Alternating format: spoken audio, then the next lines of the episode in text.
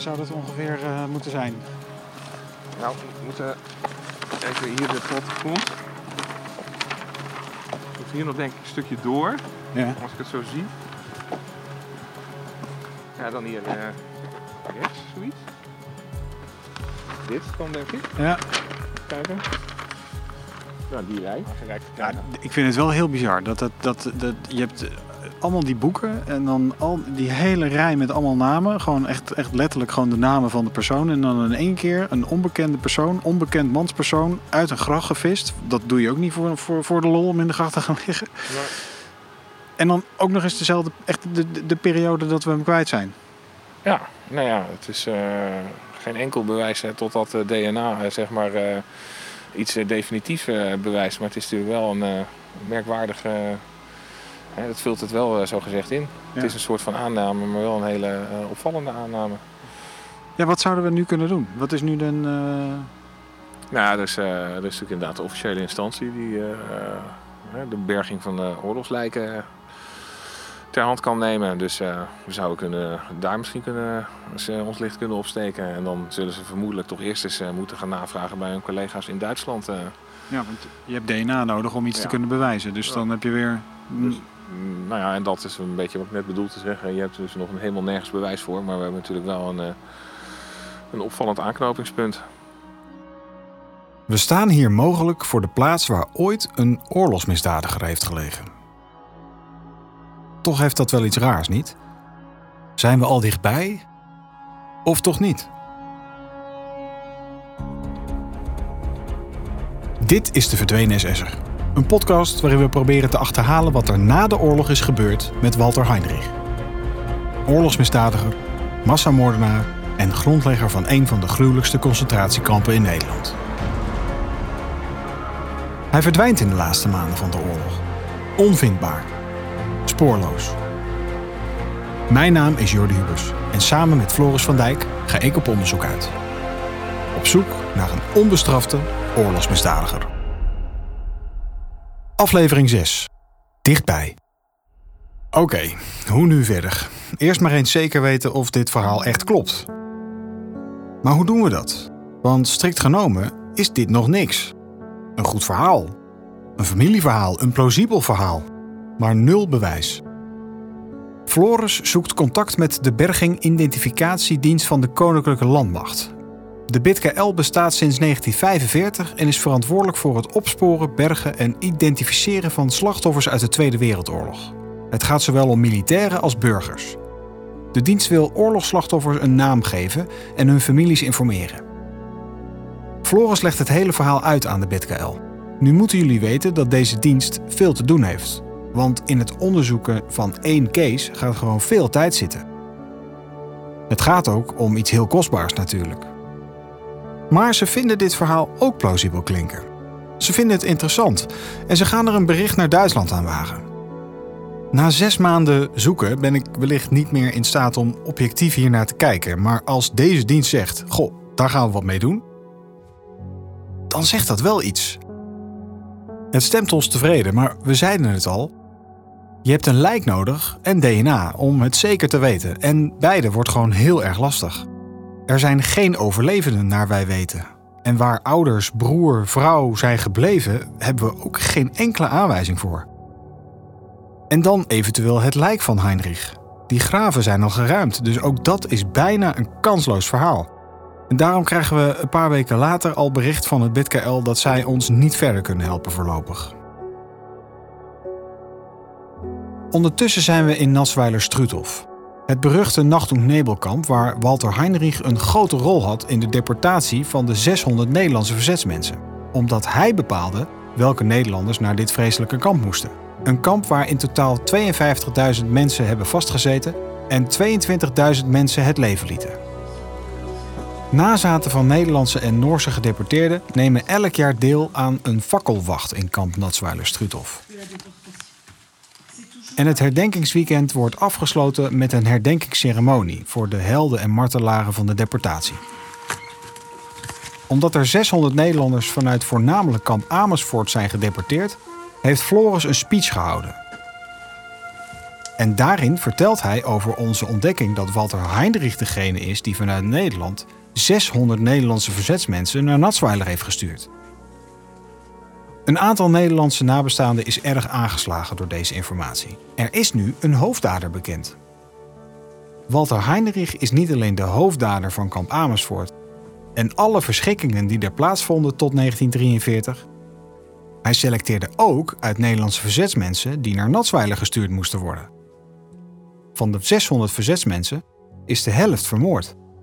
Dat betekent dat hij direct verantwoordelijk is voor de dood van ten minste 625 mensen. Wat dit nieuws betekent vragen we aan Marjolein de Loos van het Internationaal Natsweiler Comité. Hoe is dat binnengekomen en hoe is dat binnengekomen bij jou? Want jij bent ook een nabestaande eigenlijk. Ja, ik was natuurlijk verschrikkelijk geschokt dat ik dat zomaar ineens hoorde. Het was eigenlijk, ik belde Floris en hij zei: Weet je wat ik nou ontdekt heb? Ik rijd net uit Amsterdam weg. Bij NIOD heb ik ontdekt wie verantwoordelijk is voor de transporten van de Nachthoek Nebelgevangenen. Ja. Ja. Schokkend. Ja, want de kans zou eigenlijk nog wel eens aanwezig kunnen zijn dat jouw vader bij het transport, op het transport heeft gezeten waar Heinrich ook op heeft gezeten. Ja, dat zou zomaar kunnen. Ja. Eh, ja, dan. eh, ja, wat, wat denk je dan? Je kunt het je niet voorstellen. Nee. Wat was Natsweiler voor een, voor een plek? Want het is eh, in, in, de- in de volksmond en in, in, de gedachten van mensen gaan alle concentratiekampen eigenlijk op één hoop. Maar je kunt ze eigenlijk ook weer niet meer met elkaar vergelijken. En zeker niet nacht- en nebelkampen. Nou, om te beginnen, Natsweiler is een volledig onbekend kamp. Natsweiler is nooit bevrijd geweest, dus men kent het niet. Men kent Dachau, men kent Neuengamme, men kent Sachsenhausen, men kent Auschwitz. Ja. Maar Natsweiler bestaat niet in eh, de herinnering van de mensen. Niet alleen in Nederland, maar ook in Frankrijk weet men het niet. Nee. En ik denk dat het toch aan ligt dat het kamp nooit bevrijd is geweest.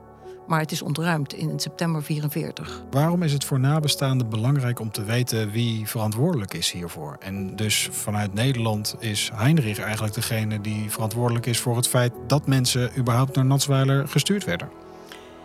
Ik denk dat voor de nabestaanden wel belangrijk is om te weten wat er, waarom hun eh, voorouder eh, ja, afgevoerd, vermoord is. eh, in naam van een misdadig regime. Ja. Dat is belangrijk. En wij weten niks. Onze vaders en onze grootvaders en, en alle anderen, die hebben natuurlijk niet gepraat. Want dat was veel te heftig voor ze. Ook al vinden we de uitkomst niet wat er met Heinrich daadwerkelijk is gebeurd. We hebben wel de ware aard van deze man naar boven gehaald met deze podcast. We hebben een onbekende oorlogsmisdadiger een gezicht gegeven. Voor wat betreft onze zoektocht, we hebben een plausibel verhaal te pakken, denken we. Maar zonder lijk en DNA is het lastig. En dus wilden we eigenlijk hier stoppen met de podcast. Ik had een mooi stukje geschreven over toeval. Het toeval van Dr. Surov en over het toeval dat we Werder op ons pad hebben gevonden. En de kruimels die we aan het onbekende levensverhaal van Walter Heinrich hebben toegevoegd. En dan. Dan mailt Bremen terug. Het staatsarchief in Bremen mailt vier PDF-bestanden met daarin van allerlei documenten. Mijn vraag was: wat is de bron van Verschollen seit februari 1945? Hoe weet de officier van justitie dat? Floris en ik hebben afgesproken om samen door de documenten te gaan. Twee zien namelijk meer dan één. Heinrich Rood Kruisdrager, ik weet niet of dat wat zegt. Hier, kijk, Valkenberg staat er Ja. ook. Als, maar dat is dan doorgekrast en Mislovic. Ja, daar ging het dus bij andere... eh, Ook fout, hè? Ja, omdat hij dus in de Valkenberger Strasse heeft gewoond. Site, site Februar Verschollen staat er ook. Ja. Staatspolitie Oppeln. Deutsche Dienststellen. Hm. Kijken wat dit allemaal is hoor. Urgent. Kijk, dit is dus inderdaad zijn eigen door hem zelf geschreven levenslauf, die dus in zijn Ja. SS-dossier zit. Die kennen we. Ja. Dit is een verklaring dus van eh, zijn vrouw. Ja, Johanna Heinrich. Ejevrouw Johanna Heinrich. Ja.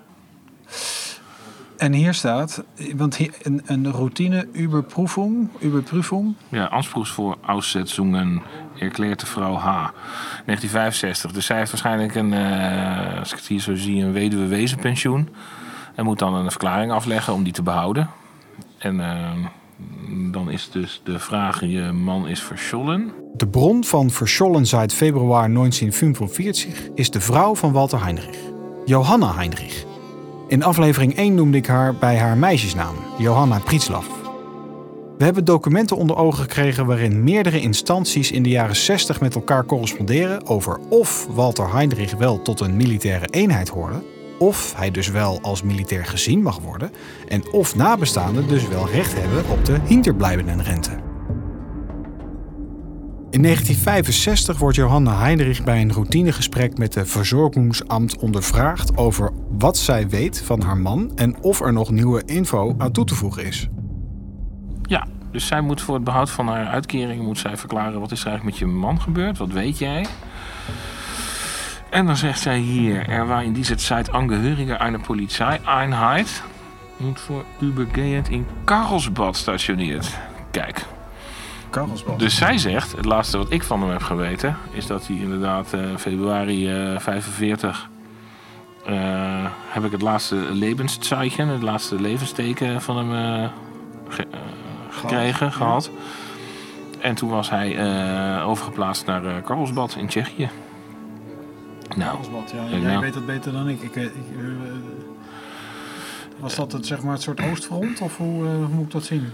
Eh, strikt genomen niet echt Oostfront, want ehm, bij mijn weten is die stad door de Amerikanen bevrijd. Maar dat maakt natuurlijk niet zoveel uit, omdat ze daar in elk geval is daar wel hard gevochten. Ehm, Jeetje. Dus dat, Dit gaat dus dit, andere kant op dit gaat, eh, ja, nee, nu, nu, nu krijgen we dus een heel ander scenario. eh, echt heel anders. Hij zei dus, eh, zegt zijn vrouw, eh, in elk geval, die verklaart hij dus. Eh, ze zet ook de handtekening en eh, ook nog trouwens een clausule staat eronder dat ze weet dat ze strafrechtelijk vervolgd wordt. Als ze de waarheid niet spreekt. Ja, en ik moet je heel eerlijk zeggen dat ik me afvraag wat is de reden om de waarheid niet te vertellen als je een uitkering wil behouden. Dus ik bedoel, eh, hoe komt ze aan Karlsbad? Dus dit is echt een volstrekt andere eh, route, zeg maar, ander scenario dan dat we Dan dat onder andere van eh, Werner hoorden. Maar Ja. dit is natuurlijk ook wel weer spectaculair. Und die beiden Kinder. Kijk, en daar staat een stad achter, in het zuiden van Duitsland, waar ze dan dus op dat moment blijkbaar woonden. Maar beiden kinderen. ja. Heeft hij dus in de oorlog kinderen gekregen. Want voor de oorlog, eh, in dat SS-dossier, eh, was hij nog kinderloos. Hmm, interessant. Bij ons waren geen kinderen bekend. In zijn SS-dossier zitten veel handgeschreven personalia van hem. En nu staat er ineens dat hij wel kinderen heeft. Want, even kijken hoor, want sowieso ook, daar moeten we zo even over doorgaan. Want er staat beiden kinderen. Dus dat is ook eh, Ja. even iets waar we op door moeten. Maar de- Zeker, kinderen en dus inderdaad Naar Karlsbad. En ze zegt dan ook hier daarna, seitdem is mir eine andere Nachricht von dem Leben meines Ehemannes niet meer zugegangen. Dus ze heeft er nou nooit meer iets van gehoord. Maar wacht even, want dan. dan eh, het, het zelfmoordverhaal waar we nu op zijn gestuurd. Mhm. eh, dat, dat, dat de moeder van Werner naar Duitsland gaat, dat staat als een paal boven water. Want zij ontmoet de vader van Werner daar. Dus zij is met Ja. een reden naar Duitsland gegaan. En dat zij een relatie heeft gehad met, eh, met, met Walter Heinrich, dat verzin je ook niet voor je lol. Dus dat, dat is allemaal, dat klopt nog. Dus zij staat voor een deur bij de Ja. ouders van Heinrich. En Ja. die beweren hij is overleden, hij is hier niet, zelfmoordje kan hij niet blijven. Ja. Nou, dat hebben we naar vermogen eh, dat spoor uitgelopen. En dus zelfs mogelijk nog een, eh, eh, een graf waar die mogelijk begraven zou zijn. Maar dat was dus tien jaar na het eind van de oorlog alweer geruimd. Ja, maar dit is het. Kijk, en dat is natuurlijk een verhaal uit de familie. Ja, En, een, ja. en zeker wel een geloofwaardig verhaal. Maar dit is natuurlijk ook geloofwaardig. En zij heeft natuurlijk gewoon echt wel een belang om haar uitkering te behouden. Dus waarvoor zou ze hierover liegen? Hoe komt ze nou in Ja, één keer met? Maar Deze is, dit is echt een heel interessant document. Hè? Dat zijn eh, echtgenoten dus eh, verklaard. Ja. Dat zij alleen maar weten eh, in februari 45 eh, dat hij in Karlsbad zat in Tsjechië. Oké, nou, zullen we vanaf het begin af aan weer beginnen, uh, Floris? Werk aan de winkel. We duiken de archieven in. We speuren het internet af. We hebben ineens weer veel uit te zoeken. Kinderen, Karlsbad. We lezen alle documenten van Heinrich nog eens door. En inderdaad zeg, op een militair bevorderingsformulier uit 1944 zien we in een hoekje met de hand geschreven bij Kinder dat hij in 1943 een dochter heeft gekregen in 1944 een zoon. Zij kunnen dus nog in leven zijn, want ze zijn 79 en 78 jaar. In het document waarin Johanna Heinrich een verklaring aflegt, staat een adres waar ze op dat moment, 1965, wonen. Een uurtje rijden ten noorden van Stuttgart. We mailen ons verzoek naar deze gemeente of ze kunnen helpen met het traceren van een meisje en een jongen uit 1943 en 1944. Geboorteplaats en naam onbekend. Maar vermoedelijk is de geboorteplaats gelijk aan het woonadres eind 1944. Want die staat ook in het document. Namelijk Oppel, plaats waar Heinrich voor de oorlog al werkte als gemeenteambtenaar. Karlsbad dan. Floris duikt nogmaals het Nielt in. Zou het daadwerkelijk zo kunnen zijn dat Heinrich is overgeplaatst? Het is niet een gek idee. Zoals we al zeiden, Debner werd teruggeroepen naar Berlijn. Dus dat ze hem vanuit Den Haag elders nodig hadden, klinkt logisch. Maar we vinden hier niks over. In de tussentijd zoek ik naar informatie over Karlsbad, ofwel Karlovy Vary, zoals Karlsbad in Tsjechië heet. Deze plaats in het westen van Tsjechië is in de laatste dagen van de oorlog een vreselijke plek geweest. Ik leg contact met historicus Jan Netvet van het Karlovy Vary Museum. Hij vertelt dat het SS-hoofdkwartier van die regio in Karlsbad zat. En in de directe omgeving zaten meerdere kampen. Een verzamelkamp voor Joden, werkkampen en ook een krijgsgevangenenkamp. Dus dat klinkt logisch. Als iemand als Walter Heinrich die richting opgestuurd wordt, dan zou dat wel een plek kunnen zijn. In april 1945 bombardeert de Amerikaanse luchtmacht Karlsbad twee keer. Het aantal slachtoffers wordt alleen geschat vanwege de ontelbare vluchtelingen op dat moment.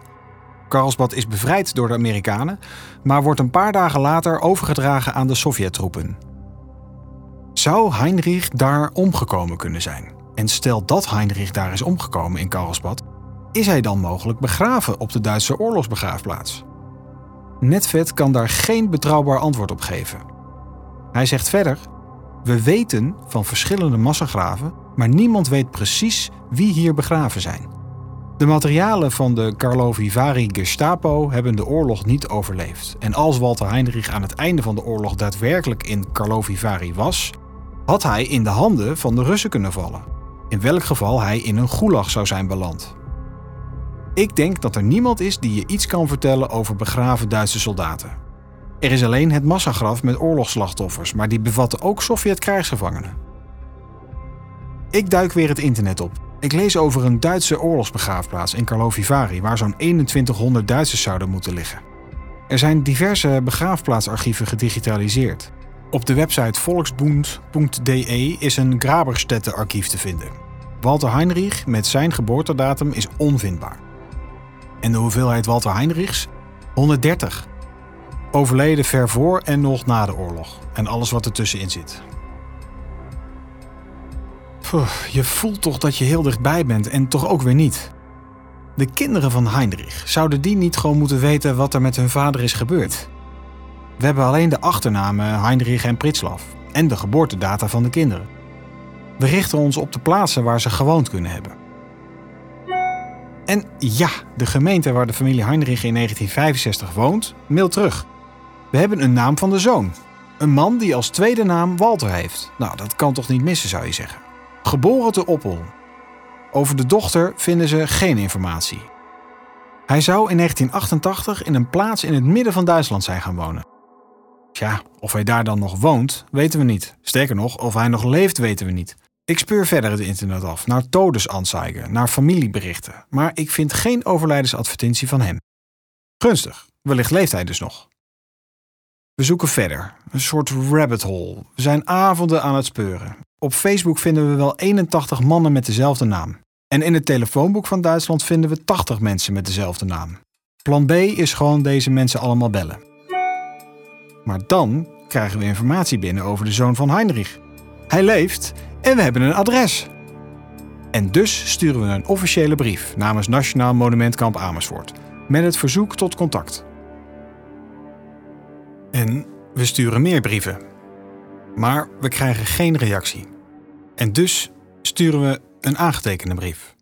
We hebben nu meerdere opties doorlopen, eigenlijk gedurende de hele podcast. Er zijn een aantal opties die we als minder plausibel kunnen, kunnen, ja, kunnen, kunnen aanmerken. Maar die zijn nog steeds kunnen die gewoon hartstikke goed eh, waar zijn. Jazeker. Er zijn denk ik wel twee opties die wel heel, wel heel plausibel zijn. Uh, maar laten we ze allemaal even, want wat hebben we allemaal onderzocht? We hebben krijgsgevangenen onderzocht. Of die krijgsgevangenis. Ge... Ja, we zijn uh, op zoek gegaan. Uh, we zijn er even vanuit gegaan dat er één optie zou kunnen zijn dat hij samen met, uh, of net als zijn baas Erich Deppner, naar Berlijn is gestuurd. Hè, om daar de stad te helpen verdedigen. Begin 45. Ja. Nou, dan is de optie dat je daar bent gesneuveld. Want het ging daar natuurlijk, uh, werd er hard gevochten. Maar een andere optie is ook dat hij krijgsgevangen zou zijn gemaakt. Net als Erik Deppner. Mm -hmm. Nou ja, in deze podcast uh, zie je natuurlijk heel veel korte fragmenten van een paar seconden. Maar dit is dus een mooi voorbeeld inderdaad... waar we echt avonden aan hebben zitten ploeteren. De afgelopen maanden. Ja. ja. toch databases door zitten worstelen van Duitsers die, uh, Duitse militairen die door Russische rechtbanken zijn veroordeeld. Uh, daar vonden we hem niet. Kan dus nog steeds, maar wij konden in elk geval niks vinden. Maar... Andere optie is natuurlijk dat hij in Duitsland uh, is ondergedoken. Dat hij, uh, dat was zeker de enige niet ook, die gewoon. Maar dan nam hij een valse naam aan, vrijwel zeker. Die kennen we dus niet. Maar... Dus we hebben wel gezocht of we iets konden vinden. Uh, maar goed, dan heb je dus ook weer natuurlijk zijn alter ego naam nodig kennen we niet. Uh, en we konden dus ook geen uh, Walter Heinrich onder zijn eigen naam uh, vinden met die geboortedatum. Nee. Na oorlogs. Dan zou een andere optie kunnen zijn, en daar vonden we bijvoorbeeld die scheepslijst van naar Canada, oh ja. naar een traditioneel immigratieland, zoals de Verenigde Staten, Australië of Canada. Dat was er niet, die we vonden? Ah. Nee, precies. Wel een Walter Heinrich voor de zoveelste keer. Want we hebben er wel honderden gevonden, maar niet de goede. Als vierde optie zou je nog als een soort van uh, bijna concreet spoortje, want het is wel super dun. Dat is natuurlijk het verhaal van uh, de voormalige bewaker van kamp Amersfoort. Ja. Dat hij mogelijk in uh, Sao Paulo in Brazilië heeft gezeten. Dus dat hij naar Zuid-Amerika is ontkomen verhaal van één man. Hij heeft hem ook helemaal niet gezien. Hij heeft daar alleen uh, drie uh, mannen in een donkere ruimte gezien. En heeft toen na de hand bedacht, misschien was dat wel die of die. Bijvoorbeeld Walter Heinrich. Dus het blijft een dun verhaal. Ook daar hebben we dus gezocht. Uh, ook weer heel veel avonden in bijvoorbeeld de begraafplaatsen. rond Sao Paulo. maar in ieder geval niemand gevonden met deze personalia Walter Heinrich. Ja, dan hebben we natuurlijk als vijfde het uh, spectaculaire uh, verhaal wat binnen de familie uh, eigenlijk zeg maar is verteld en wat naar voren kwam. Ja. Het verhaal van Werner. En dat is een hele bijzondere, omdat, omdat dan hij zelfmoord zou hebben gepleegd. Ja. en in Nederland begraven zou zijn. Nou, die optie die hebben we natuurlijk ook uitvoerig zitten doorakkeren. Nogal. Um, zelfs een uh, potentiële plek gevonden waar die mogelijk begraven zou zijn geweest. Maar dat is dus tien jaar na het einde van de oorlog is die plek alweer geruimd. Ook uh, nog een instantie aangeschreven, BitKL, ja, maar ja, dat... Ja. Uh, ook die hebben weer verificaties gedaan in Duitsland. maar uiteindelijk, ja... Men, ook daar, dat spoor liep dus ook gewoon dood. Dus ja. een zeker niet ongeloofwaardig verhaal binnen de familie. Maar dat was hem ja, daar konden we dus verder eigenlijk ook geen hard bewijs voor leveren. Nee. En nu uh, als zesde optie uh, een volkomen andere. Uh, uit een zeker ook wel betrouwbaar te achterbron wat mij betreft. Zijn eigen vrouw verklaart dus in 1965 in het kader van het behoud van haar uitkering. Het laatste wat ik in februari 45 van mijn man heb vernomen... was dat hij dus inderdaad bij een politieeenheid in Karlsbad in Tsjechië was gelegerd. En ja. daarna heb ik nooit meer wat van hem gehoord. Nee. Maar ja. met name die laatste twee, die, die, hebben, ja. die hebben iets plausibels. Ja. Uh, alleen, ze hebben ook allebei iets waarvan je denkt, hè? Uh, want uh, aan de ene kant het zelfmoordverhaal, dat is A, rare timing. Ja. B, uh, ja, we hebben, we hebben geen lijk, we hebben geen DNA, dus uh, het, het, het, kan, maar het is gewoon een familieverhaal, zoals jij ook al zegt. Ja. Um, en aan de andere kant, uh, Karlsbad, dat is een, um, een, een, een, verhaal die naar eer en geweten is opgetekend uit de mond van vrouw Heinrich. Uh, echter, het kan gewoon nog steeds zo zijn dat uh, man lief aan vrouw uh, laat weten dat hij naar Karlsbad moet en dat hij in Nederland zelfmoord pleegt. Dat, dat, dat, dat, is, nog, dat is gewoon niet uitgesloten. Dus nee. dat, dat, dat kan nog steeds. Dat kan nog steeds. En ehm, sowieso, stel dat hij wel naar Karlsbad is gezonden, dan heb je een probleem. Omdat eh, zeker in die laatste maanden van de oorlog is in dat soort, op dat soort plekken, hè, dus Ja. echt in Tsjechië, Hongarije, daar heb je echt eh, begraafplaatsen met duizenden anonieme SS'ers. Dus daar, eh, daar loop je ook weer tegen een enorme beperking aan. Stel Ja. dat het van Karlsbad waar is. Waarom zou het ook niet waar zijn? Maar de Nee. kans dat je hem dan daar nog... nou goed, ja, zoals je weet hebben we ook daar alweer avonden in werk in zitten. De vraag der vragen die wij wilden beantwoorden, wat is er met hem gebeurd, die kunnen we nog steeds niet hard beantwoorden. Op dit moment niet. Nee. Maar we hebben natuurlijk nog steeds gewoon een, een lijntje lopen richting Duitsland. Tenminste, dat Ja. hopen we. We proberen Ja. een lijntje. eh, we proberen contact te leggen met, eh, met, met de zoon van Walter Heinrich. We hebben een adres. En ik heb, eh, Nou ja. nou ja, vanochtend dus een behoorlijk aantal telefoontjes gewaagd aan buren. Want we hebben dus al brieven gestuurd. Eh, die worden niet beantwoord. Met het eh, beleefde vriendelijke verzoek om contact te zoeken. Eh, en ik heb dus buren gebeld. En een bedrijf wat op hetzelfde adres gevestigd is. Allemaal kennen ze de man niet. Dus ehm, Ze kennen de man niet. Nee, ik heb het gewoon heel eerlijk gevraagd. Ze voor- en achternaam genoemd, uitgelegd dat ik voor een historische kwestie op zoek was naar hem. En zegt deze naam u iets? En niemand kende de man. Oh jongens, oké. Nou, het was, eh, het was een mooie reis, eh Floris. Nou, we zijn nog lang niet klaar, Jordi. nee, We zijn nee, nog niet nee, van elkaar af, zo gezegd. Nee, nee, nee, nee. Oh, nee, het Laten, we, eh, laten we hopen dat we wellicht nog een tochtje richting Duitsland kunnen maken. Want ik wil het nu eigenlijk wel gewoon weten. Nou ja, ik ben hier natuurlijk, wil dit al jaren weten. En nu is er goed vaart in gekomen. En het belangrijkste is volgens mij wat jij ook al terecht zegt. dit geeft natuurlijk wel een gezicht aan een onbekende oorlogsmisdadiger. Hij hoort natuurlijk echt in het rijtje notoren oorlogsmisdadigers met vuile handen op Nederlandse bodem. Eh, toch eh, altijd zeer onbekend gebleven. Eh, nu weten we, eh, ja, je zou zelfs dus inderdaad nog een, eh, je zou bijna kunnen zeggen, je zou zijn leed kunnen kwantificeren. Wat echt Ja. wel heel apart is. Ja. Eh, tot zijn kamp, eh, hè, tot het einde dat hij kampcommandant in kamp Amersfoort was. eh, dus maart eh 43 zijn er 325 mannen hier eh, overleden. eh, door executie, eh, door ontbering, eh, door mishandeling. Ja. Daar was hij verantwoordelijk voor. En vervolgens eh, heeft hij dus, weten wij dus nu ook sinds kort, dat was nog totaal niet bekend. Maar hij was dus ook daarna op het hoofdkantoor van de Ziekenhuisdienst in Den Haag belast met de selectie van de eh nacht- en nebelgevallen. Dus mannen, eh, verzetsmensen die vermoord moesten gaan worden. In dit geval in het kamp Natsweiler in de Elzas. Ja.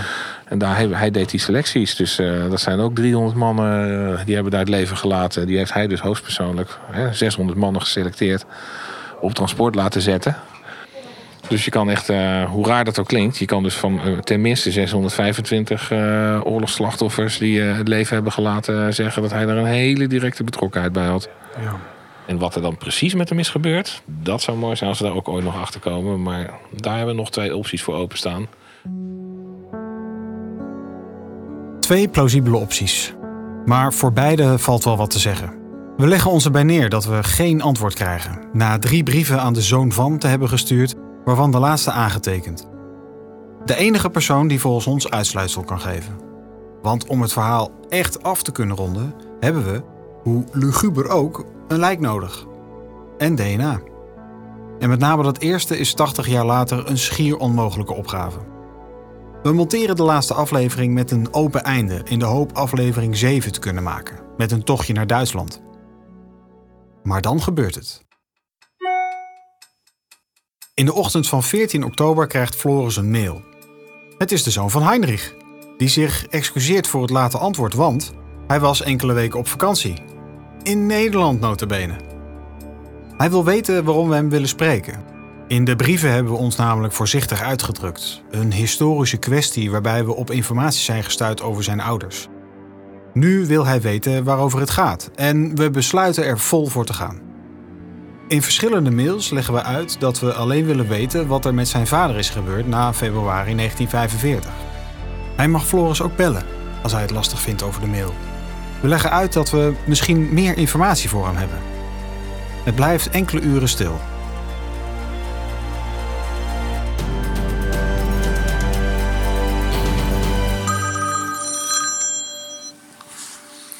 Floris van Dijk, goedemiddag. Goedemiddag, Heinrich Wandrich. Also, Herr Heinrich. Ja, haben gerade äh, per E-Mail korrespondiert. Ja, vielen Dank, dass Sie äh, mich anrufen jetzt. Das äh, ist ganz, äh, ja, vielen Dank dafür. Es äh, tut mir leid, dass wir uns äh, auf diese Weise sozusagen äh, treffen äh, müssen, weil, äh, wie schon gesagt, es betrifft nur eine historische Untersuchung. Ja. Und äh, wir haben äh, beim Untersuchungen hier haben wir, äh, ihr, sind wir auf ihre Vater gestoßen. Mocht je een gek piepje horen op de achtergrond? Dat klopt. Dat is de printer in het kantoor van Nationaal Monument Kamp Amersfoort. We tasten in het begin van het gesprek een beetje af. Wat weet hij wel? Wat weet hij van het oorlogsverleden van zijn vader? Ik heb geen idee. We leggen uit wat wij weten over zijn vader en wat we te weten zijn gekomen over zijn verdwijning. En het ongelooflijke blijkt dat zijn moeder nooit, nooit iets heeft gezegd. Mittlerweile seit 14 Jahren schon tot ist. Und sie hat sich äh, die ganzen Jahrzehnte äh, zu diesem Thema nicht geäußert. Nee, Dus details zijn hem niet bekend. Voorzichtig bieden we aan om te vertellen wat wij weten. Und dann ist er seit Februar äh, 1945 äh, verschollen. Ähm, und wir haben also eine Untersuchung gemacht und wir haben zwei ziemlich äh, überzeugende äh, Szenarios. Und wie ich schon äh, bei, via den Mail mit Sie geteilt habe, einen davon Ja. ist Ihre eigene Mutter, Frau Ich Johanna. habe, ja, Johanna Heinrich, ja. Ja, jo- We leggen uit dat er twee scenario's zijn. We beginnen met het document uit 1965, waarin zijn moeder een verklaring aflegt.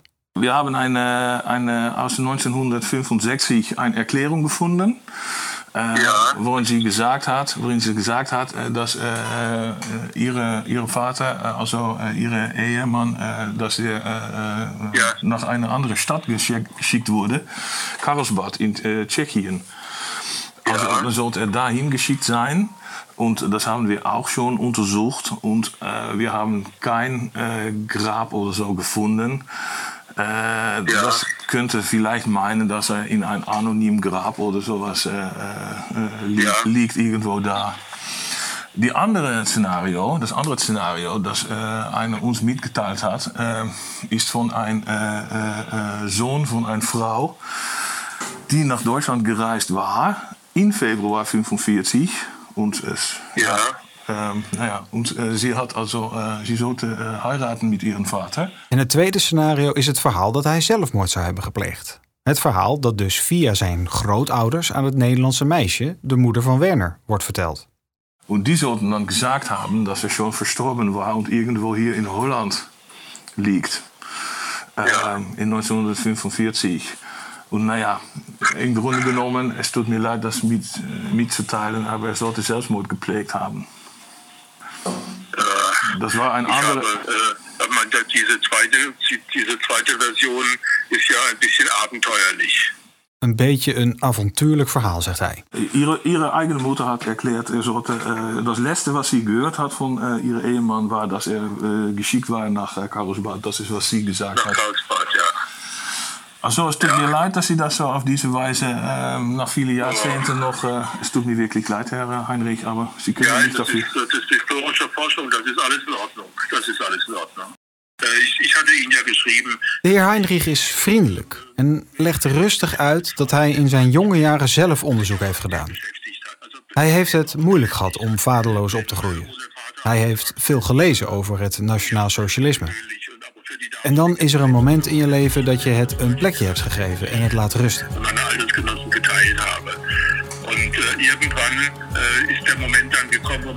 Okay, ähm, das ist vorbei, das, ist, äh, das hat in meinem Leben jetzt nichts mehr zu tun.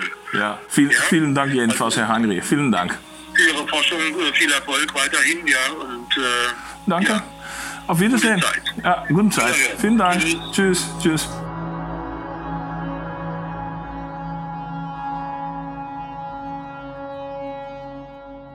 Het gesprek met de zoon van Heinrich duurt ongeveer 10 minuten. We zijn bewust niet op details ingegaan, maar hebben het aanbod gedaan om hem daarvan te voorzien.